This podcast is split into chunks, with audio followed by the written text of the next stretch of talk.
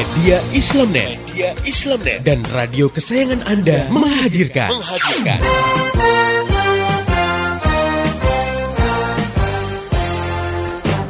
Voice of Islam. Voice of Islam. Voice of Islam. Bagaimana tidak nyaman misalnya ya kalau diterapkan hukum cambuk bagi peminum khamar sementara negara tidak menerapkan mekanisme yang melarang khamar masuk ke suatu wilayah Iya. dan diperjualbelikan. Artinya masih ada orang yang berjualan khamar dan akhirnya ada juga yang beli, akhirnya ada juga yang minum. juga Padahal yang- kalau minum dicambuk. Nah, Dicambuk. ini kan juga semacam dilema juga ya. Iya. Atau misalnya diterapkan hukum cambuk bagi yang melakukan pergaulan bebas. Nah, sementara negara sendiri tidak menghambat arus masuk pornografi dan porno aksi di suatu negeri. bahwa menangis itu yang dianjurkan nih di- dianjurkan itu menangis karena ingat dosa takut pada Allah Nabi SAW itu pernah bersabda dalam satu hadisnya la yalijun nara rajulun baka min khasyatillah hatta ya'udal labanu fil darra'i Nabi bilang tidak akan disentuh oleh api neraka seseorang yang menangis karena takut kepada Allah Nah, tadi kalau misalnya cinta itu tidak didasarkan pada pemahaman Islam, emosional sifatnya. Ya kan? Iya, iya. Lagi disayang-sayang sama suami, dikasih hadiah banyak, beliin pakaian baru, Sayang. dibelanjain banyak sayang. Sayang. Nah, begitu suami di PHK, nganggur satu tahun nggak dapat kerja, ini udah mulai mengikis.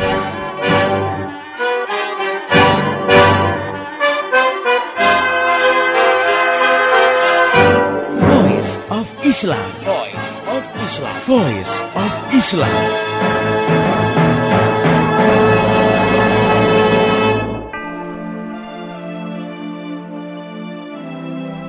Halo Indonesia, Assalamualaikum warahmatullahi wabarakatuh. Jumpa kembali dengan saya Anto Aprianto dalam program Voice of Islam. Kerja bareng Media Islamnet dengan radio kesayangan Anda ini. Selama 30 menit ke depan Voice of Islam akan mengisi ruang dengar Anda lewat satu sajian rubrik Indahnya Ekonomi Islam. Pendengar yang budiman, Alhamdulillah pada kesempatan rubrik Indahnya Ekonomi Islam kali ini saya telah ditemani oleh pengasuh rubrik ini, yaitu Ustadz Insinyur Umar Abdullah. Beliau adalah penulis naskah visi di Sejarah Daulah Khilafah Islamiyah dan penulis buku Kapitalisme The Satanic Ideology. Baik, kita akan sapa dulu beliau. Assalamualaikum Ustadz. Waalaikumsalam warahmatullahi wabarakatuh. Mas Kabarnya? Anto, Ya, alhamdulillah. Kabarnya baik Ustadz ya, alhamdulillah khair. Nah, pendengar yang beriman, rubrik indahnya ekonomi Islam kali ini kita akan membahas leasing, sebuah transaksi yang saat ini marak terjadi. Produk rumah, mobil, motor dan lain sebagainya banyak dijual dengan cara leasing ini. Memang sih asik ya bisa beli produk yang nilainya tinggi, apalagi bisa dicicil. Tapi sering juga loh cara leasing ini bisa bikin pusing jika cicilannya berhenti di tengah jalan dan akhirnya produk diambil kembali oleh pihak penjual atau pihak bank yang menjaminnya. Dan tidak jarang juga terjadi keributan antara pembeli dengan penjual karena transaksi leasing ini. Nah, bagaimana Islam mengatasi masalah ini? Oleh karena itu, Voice of Islam kali ini akan membahas leasing yang bikin pusing. Langsung saja kita obrolkan dengan Ustadz Insinyur Umar Abdullah. Ustadz, Iya. saat ini kan masih banyak orang yang belum paham tentang leasing, Ustadz ya. Iya, nah, iya. bisa dijelaskan nggak, Ustadz, lebih detail tentang transaksi leasing ini, Ustadz? Iya. Mas Anto dan pendengar yang budiman, leasing ini biasa dikenal dengan nama transaksi sewa beli. Kenapa disebut seperti itu ya, sewa beli? Karena ketika seseorang membeli sebuah produk, terjadi dua akad atau dua transaksi sekaligus, yaitu akad beli sekaligus akad sewa. Belinya dengan cara kredit alias dengan cicilan dengan perjanjian, jika cicilannya tidak bisa dilunasi, maka produknya akan diambil kembali oleh si penjual, alias seperti kita menyewa produk tersebut. Terkadang ada juga yang memberikan denda kepada orang yang telat membayar cicilan dengan denda tertentu. Nah, biasanya leasing ini diterapkan pada produk-produk yang nilai nominalnya cukup besar seperti sepeda motor, mobil, dan rumah. Bisa diberikan contohnya? Iya, misalnya begini ya. Ada seseorang beli rumah, misalnya gitu ya.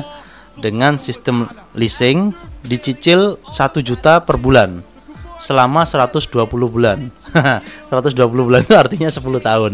Nah, dengan perjanjian jika si pembeli tidak mampu melanjutkan cicilan, maka rumah yang sudah dicicilnya itu akan diambil kembali oleh si penjual atau oleh bank yang menjaminnya.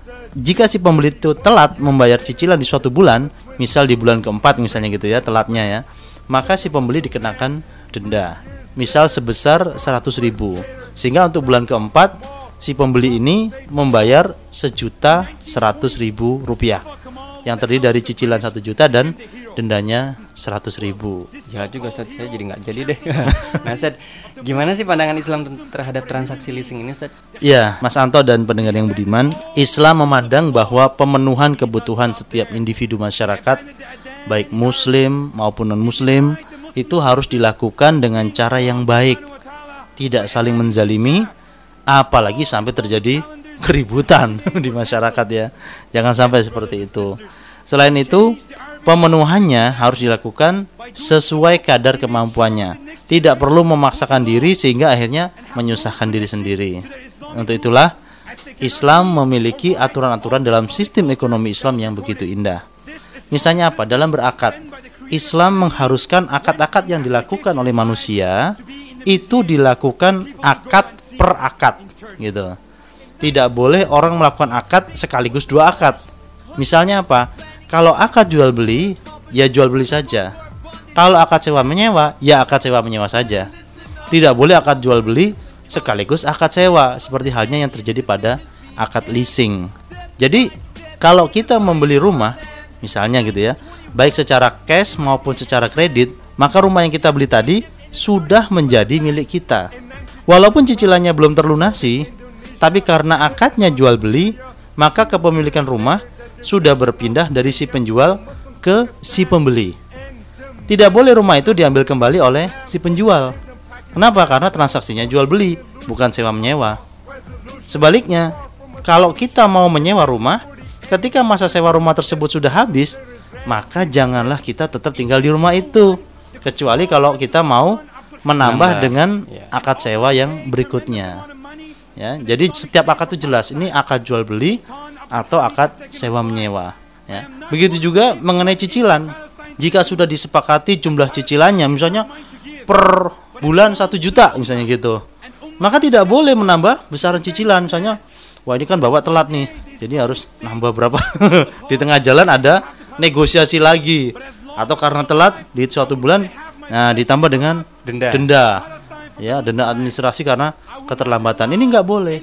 Jadi kalau sudah disepakati di depan ya cicilannya gimana nih pak? Cicilannya oh oke cicilannya setiap bulan satu juta. Ya udah satu juta. Nggak boleh di tengah jalan dirubah. Atau kalau di depan sudah sepakati oke okay, uh, eh, cicilannya bulan ke sini sampai sini satu juta. Bulan ke sini sampai sini satu juta seratus bulan ini sampai ini satu juta dua ratus asal sudah disepakati di depan tidak jadi masalah. Yang nggak boleh itu kalau di tengah-tengah e, mencicil tadi ya, bulan-bulan cicilan tadi ada perubahan negosiasi. Nah, ini yang tidak diperkenankan ya. Kembali ke leasing tadi, leasing tadi ya, kesalahan utamanya adalah menjadikan dua akad sekaligus, yaitu akad jual beli dan akad sewa. Ini yang kesalahan utamanya. Pasti dalam Islam tidak boleh, Ustaz. Ya, ini akad yang batil. Ya. Baik. Pendengar yang beriman, nih sekarang mulai agak jelas nih ya bagi kita tentang status hukum transaksi leasing ini. Ada beberapa hal yang lain yang ingin kita bahas detail ya, lebih detail lagi terkait transaksi yang bikin pusing ini. Tapi sebelumnya kita akan dengarkan dulu satu lagu berikut ini. Tetap setia di Voice of Islam. The truth about the state, it wasn't always like this. Let's look back in time. History reminds us one army, one land, one central authority, crushing the Romans. Persians put in fear. The Ummah like a lion, no need to shed a tear. When the village was attacked by the kuffar, the Khalif heard the sisters cry, prepared for war, attacking the city, destroying it from existence. Lesson number one don't ever mess with Muslims. The Imam of the Ummah is a shield where he protects the Ummah and where the Ummah fights behind him. Where is this shield today to protect the Ummah? What happened to this shield to honor and dignify the Ummah? In 1917, Prime Minister of Britain, after entering Jerusalem, stated, The Crusade War has ended. In the same year, the French general Goro went to the grave of Salahuddin Ayyubi. Salahuddin Ayyubi, the one who 730 years prior crushed the Crusade and liberated Palestine and Syria. He went to his grave in Damascus and kicked it and said, Wake up, O Salahuddin, we are here. How do they do this to you and me? We turn on the TV and all we see a world full of casualties, a generation agony. Our ummah is a misery. Let's go back to the beginning of the century and review our history. From one side to the other side of the globe, the system of Islam ruled over the world. They went to the Muslims for all their solutions from mathematics to biology, the advancement and technology. The Kafir women used to imitate our women. They wanted the same respect that the Muslim sisters were given, while the enemies of Islam were trying to twist the Quran, trying to write a surah.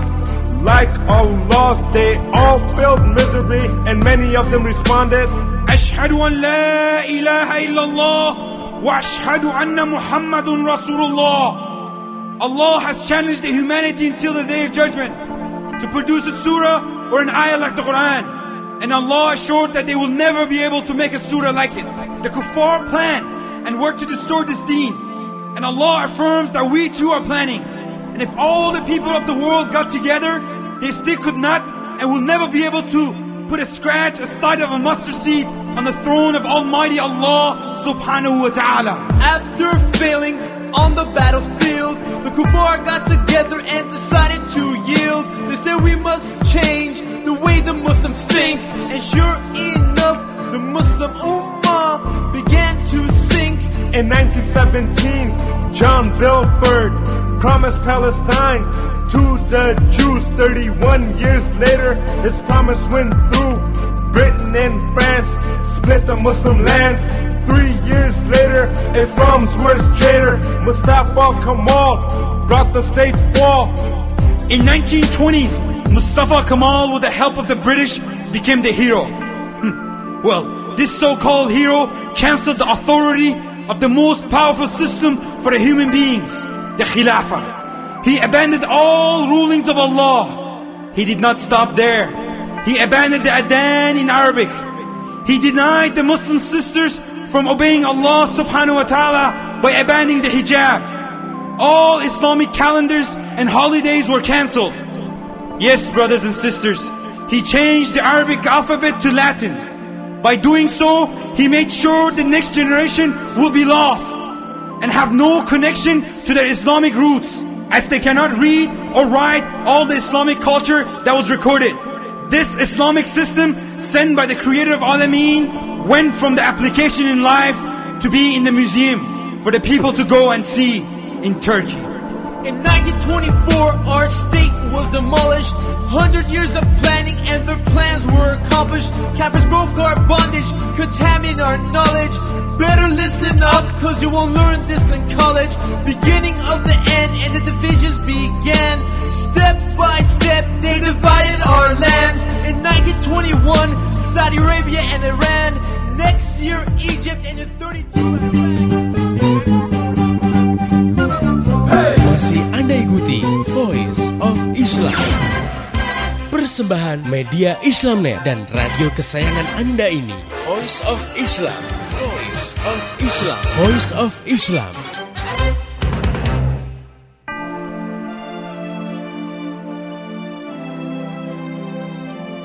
Masih di Voice of Islam, kerja bareng media Islamnet dengan radio kesayangan Anda ini. Pendengar yang budiman, Anda masih bersama saya, Anto Aprianto dan Ustadz Insinyur Umar Abdullah dalam rubrik Indahnya Ekonomi Islam. Dan kali ini kita sedang membahas topik yang sangat menarik yaitu tentang leasing yang bikin pusing. Baik, langsung saja kita lanjutkan bincang-bincang kita dengan Ustadz Insinyur Umar Abdullah. Ustadz, Ya, kenapa sih orang sekarang nih kalau tadi kan kita bicara tentang pembeli Ustaz ya, atau yang berkaitan Hmm. dengan pembeli. Sekarang penjualnya Ustaz. Kenapa sih sekarang orang lebih suka menjual produknya dengan sistem leasing Ustaz? Mas Ato dan pendengar yang beriman ya banyak hal yang menjadi penyebab orang sekarang suka ya dengan leasing ini ya. beberapa hal di antaranya yang utama itu adalah adanya ketidakpercayaan si penjual kepada si pembeli bahwa si pembeli akan membayar lunas cicilannya, cicilan pembayarannya. Udah Ya. ketahuan Ini kayaknya nggak bisa bayar Dari muka atau dari apa ya nggak tahu dari banyak hal. ya. Ah, akhirnya apa? Untuk menghindari hilangnya produk yang tidak terbayar lunas, maka digunakan sistem leasing. Beli tapi kalau lu nggak lunas itu dianggap sewa Dan dan, harus produk dikembalikan. harus dikembalikan. Tarik ya ya. Iya.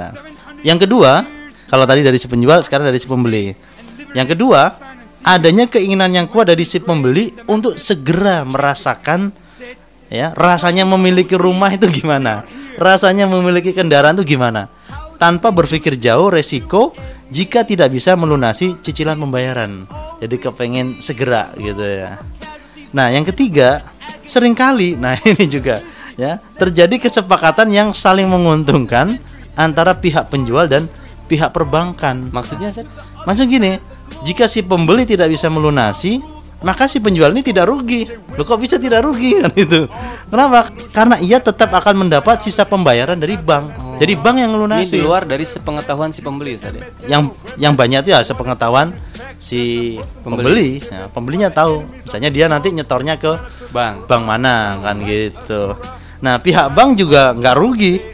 Kenapa? Karena dengan hanya membayar sisa pembayaran si pembeli, pihak bank tadi sudah bisa memiliki produk tersebut. Jadi dua-duanya sama-sama untung. Nah jadi itulah yang menyebabkan banyak eh, banyaknya sistem leasing sekarang ini. Yang rugi besar alias yang dizalimi siapa? Ya tentu, si pembeli. Pasti Nah, ini cara-cara kapitalistik yang tidak boleh kita lanjutkan. Kita harus buang jauh cara-cara berdagang dengan cara yang menzalimi orang lain. Ya, tentu yang dapat untung ya punya modal. Bisa disebut curang Ustaz? Kalau curang itu ini apa? Mengurangi atau mau nambah ya? Nah, itu lebih. yang- Kali ini tidak curang, Iya. Tapi ngambil semuanya. Baik. Nah, Ustaz, kemudian kalau kita ngeli ngelihat ekonomi sekarang yang masih terpuruk, Ustaz ya. Iya. Seperti tadi yang sudah dijelaskan oleh Ustadz, banyak penjual produk itu yang tidak percaya akan kemampuan si pembeli ya untuk bisa melunasi cicilannya. Nah, Iya. bisa dijelaskan tentang jual beli yang meminta jaminan seperti ini, Ustaz? Iya, ya kondisi sekarang memang seperti itu ya. Melihat mukanya aja orang Kayaknya nggak bisa nggak bisa lunas di cicilan nih. Ya, ya lepas daripada itu ya secara hukumnya nih ya. Jika kita tidak yakin akan kemampuan si pembeli melunasi cicilannya, maka kita boleh meminta jaminan dari si pembeli. Jaminan itu harus dengan benda selain produk yang dibeli tersebut. Gitu. Misalnya gini, kalau kita mau beli sepeda motor secara kredit seharga 20 juta misalnya gitu. Misalnya. Kan kalau cash kan harga 13 juta, Iya. tapi karena beli kredit, Kredit, total-totalnya 20 kan 20 juta tuh misalnya gitu. Maka kita bisa menjaminkan misalnya lo ya, tanah. Nah, yang kita punyai yang nilainya sama atau lebih besar dari harga sepeda motor. Misalnya tanah kita itu seharga 50 juta misalnya gitu. Jika kita tidak sanggup melunasi cicilan, misalnya baru 5 juta yang sudah kita bayar, ternyata setelah itu kita bangkrut bisa jadi. Bukan tidak mungkin toh? Ya, bisa aja, ya. Bangkrut. Maka tanah yang kita jaminkan boleh dijual oleh si penjual motor. Misalnya terjual dengan harga 50 juta. Maka yang 15 juta itu diambil si penjual, kan tadi baru bayar 5 juta. Iya. Kan kurangnya 15. 15, juta. Ya, ya toh? Iya. Nah, yang 15 juta diambil si penjual motor sebagai pelunasan pembelian sepeda motor dan yang 35 juta dikembalikan ke si pembeli motor gitu. Jadi tanah tadi tidak boleh main sita saja, nggak boleh. Ya. Kenapa? Karena nilainya lebih dari kekurangan cicilan motor tadi. Nah, itu yang pertama. Yang kedua, selama masa dijaminkan, maka tanah tadi tetap menjadi milik yang punya tanah, yaitu si pembeli, motor. Ya, sehingga dialah yang berhak memanfaatkannya dan mengambil hasilnya. Jadi misalnya tanah itu dibuat sawah gitu ya, Iya. tetap aja yang memanfaatkan dan mengambil hasil nanam padi tadi misalnya gitu ya, itu sih pemilik sawah, ya si yang pembeli motor tadi. Ya.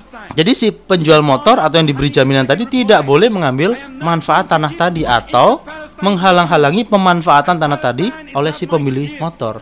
Pendeknya kalaupun ada jaminan, jaminan tersebut tidak boleh dipakai Ustaz ya, oleh si penjual barang itu. oleh yang diberi Yang jaminan diberi jaminan tersebut. Nah, apakah dalam transaksi leasing Ustaz ya, si penjual itu sama seperti yang tadi meminta jaminan kepada si pembeli?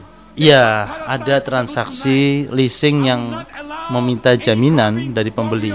Tapi masalahnya jaminannya itu adalah produk yang tadi yang dijual belikan itu juga.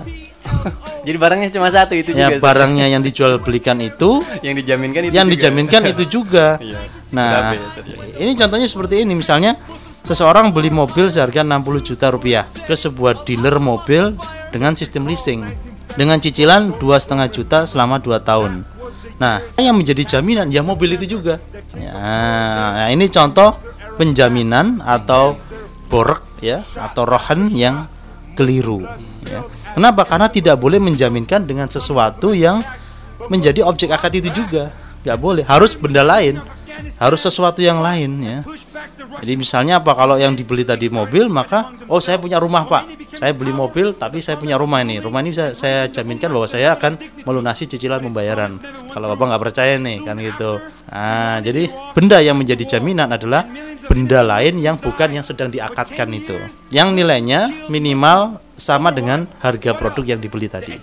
Nah, tapi Ustadz, kalau kita lihat faktanya sekarang kan bagaimanapun orang itu ingin sekali punya rumah. hmm. ingin sekali punya kendaraan dan Iya. lain sebagainya ya termasuk ya elektronik Ustaz ya nah tapi di sisi lain kan banyak juga yang nggak punya uang cash gitu Ustaz nah Hmm. solusinya gimana terhadap perma- permasalahan ini Ustaz Iya, yang pertama kita harus yakin ya bahwa syariat Islam itu jika diterapkan pasti mengandung maslahat, Insya Allah mengandung kebaikan-kebaikan.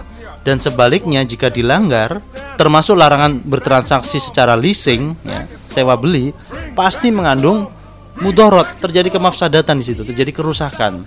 Ya, berapa banyak orang yang dizalimi karena leasing, berapa banyak keributan yang terjadi karena leasing, motornya diambil lagi sama dealer, misalnya. Nah, ya memang leasing memang bikin pusing, ya kan, gitu ya. Iya. Itu yang pertama. Yang kedua, bertransaksilah dengan cara-cara yang sesuai dengan syariat Islam dan sesuai dengan kemampuan kita. Tidak perlu memaksakan diri sehingga kita dibikin pusing sendiri. Misalnya apa? Kalau Anda ya pendengar yang budiman atau Mas Anto gitu ya, mampu membeli rumah dengan cash, maka belilah dengan cash. Gitu aja. Iya. Kalau duit yang kita punya cuma sedikit, pengennya beli rumah yang gede, duitnya cuma sedikit, ya udah beli rumah yang kecil dulu. Iya. Atau belilah secara bertahap. Sekarang misalnya beli tanah dulu nih. Ya, secara cash. Waduh, punya duitnya cuman eh, berapa puluh juta, Pak. Udah beli tanah dulu gitu. Berikutnya nanti setiap bulan kita bangun sendiri rumah itu setahap demi setahap. Ini saya punya pengalaman nih, punya temen waktu di Jawa Timur dulu ya. Ada tuh, dia tukang semacam tukang jahit gitu. Dia punya uang, dia beli tanah, tanah kecil. Setiap bulan dia beli semen dan sebagainya, dia bikin sendiri itu rumahnya. Tiap bulan ada untung lagi, dia bikin lagi. Lama-lama jadi rumah itu tanpa dia harus ketemu yang namanya leasing. Nah, ini ini pernah terjadi. Ini untuk yang punya uang cash. Atau jika Anda bisa pinjam ke salah seorang kenalan ya, atau mungkin juga eh, pinjam ke Saudara, saya- ADB, tahu ADB? apa sih? ayah dan bunda gitu untuk membeli rumah ya lalu anda menyicil ke kenalan anda itu atau ke saudara gitu ya atau ke ADB tadi ayah dan bunda misalnya Iya. Pak Bu gue pinjem nih ya, Nodong. aneh aneh pinjem dulu nih nggak Iya. nggak nggak minta nih Iya. pinjem nanti Pinjam. saya kembalikan misalnya karena sudah punya penghasilan Betul. nah sehingga dari situ kita dapat uang cash nih uang cash untuk apa beli rumah Jadi gitu mencicilnya ke mencicinya ke bapak sama ibu, ayah dan bunda, Iya. atau ke saudara, atau kita barangkali punya kendaraan yang ya agak kaya kan gitu, Betul. Uangnya nganggur, udah deh saya pinjam dulu kan gitu. Tapi kan kalau kenal kan dia kenal kita, kita kenal dia, bahwa kita nggak akan kabur misalnya gitu ya. Jadi memang amanah itu sesuatu yang sangat Betul. mahal ya, jaga amanah itu. Nah kalau misalnya anda mampunya itu beli rumah dengan kredit, maka belilah dengan kredit. Jika si penjual menginginkan jaminan untuk menjamin pelunasan cicilan pembayaran tadi ya, sementara Anda memiliki sesuatu selain rumah yang Anda beli tadi yang bisa Anda jaminkan, maka Anda bisa menjaminkannya sebagai jaminan kredit Anda. Gimana kalau nggak punya jaminan? ya jangan diteruskan transaksi tadi gitu saja nggak punya jaminan Ya, gitu aja kok repot saja. ya iya nah terus berikutnya apa? Jika anda belum mampu membeli rumah dengan cara cash atau cara kredit Dua-duanya ya belum mampu gitu ya? belum mampu. Ya nggak punya duit ya sudah. Gimana, sewa saja. Oh, sewa saja. kontrak rumah gitu. Sampai Allah akan menjadikan anda Kaya, kaya, dengan anugerahnya. Sehingga anda pun bisa membeli dengan cara yang halal dengan cara yang mudah dengan cara yang penuh berkah Sabar berarti Ustaz. iya ya ini sa- sama seperti kendaraan kalau kita pengen punya mobil duitnya kurang ya motor dulu deh kan Iya. itu sepeda motor kok duitnya juga masih kurang beli sepeda ya kata Rasulullah lihat orang itu kalau urusan dunia itu lihat bawah. yang ke bawah enak nggak apa-apa kita lebih baik naik sepeda pancal ke mana-mana tapi pikiran nggak pusing nggak dikejar-kejar Hutang. debt collector Ya, debt collector. gitu ya daripada kita naik mobil tapi pikiran nggak aduh pikiran nggak selesai-selesai nggak bisa tidur terbayang-bayang di pelupuk mata ya Allah daripada hidup seperti itu mending naik sepeda engkol tapi pikiran nggak dongkol ah kan lebih enak Ustaz, mungkin barangkali yang terakhir Ustaz ya. Ada pesan barangkali untuk para penjual produk dengan sistem leasing ini Ustaz? Iya, untuk para penjual produk ya, baik rumah, kendaraan ataupun yang lainnya, lakukanlah transaksi yang sesuai syariat Islam. Yakin ya, jika Anda menerapkannya, Allah akan memberkahi usaha Anda. Ini harus yang kita yakini ya. Jangan silau dengan keuntungan dunia. Jangan silau dengan harta yang melimpah tetapi dengan cara melakukan kezaliman melalui transaksi leasing yang Anda lakukan. Yakinlah jika Allah telah melarang sesuatu pasti di situ ada mafsadatnya, ada kerusakannya. Mungkin saat ini orang lain yang kena, bukan tidak mungkin nanti pun Anda akan merasakan kerusakannya.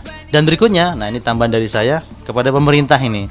Saya menyerukan untuk menghilangkan ya transaksi-transaksi batil yang ada di masyarakat.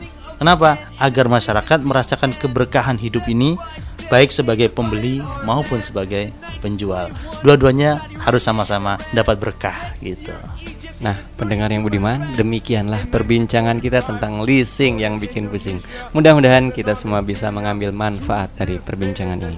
Oke, pendengar yang budiman, bagi Anda yang ingin bertanya, memberikan kritik, saran, ataupun masukan, Anda bisa kirim surat ke radio kesayangan Anda ini atau kirim SMS ke 0856 9492 4411 atau bisa juga melalui email ke mediaislamnet@yahoo.com. Untuk informasi lebih jauh tentang Voice of Islam, radio-radio di seluruh Indonesia yang menyiarkannya, topik-topik yang akan dibahas, serta info-info lainnya, silakan klik di www.gaulislam.com. Saya Anto Aprianto dan seluruh kerabat kerja yang bertugas mengucapkan terima kasih kepada Ustadz Insinyur Umar Abdullah atas penjelasannya. Terima Ya. kasih Ustadz. Sama-sama, mudah-mudahan ya. barokah semuanya ya. Amin. Terima kasih juga bagi Anda ya, pendengar setia yang telah mengikuti acara ini. Pesan saya, sampaikan apa yang Anda peroleh dari acara ini kepada yang lain agar rahmat Islam bisa segera tersebar luas termasuk di kota Anda yang tercinta ini. Mari menimbang masalah dengan syariah. Assalamualaikum warahmatullahi wabarakatuh.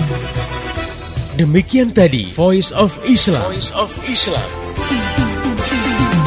Semoga hikmah yang terkandung bermanfaat untuk kita semua. Amin amin amin ya robbal alamin.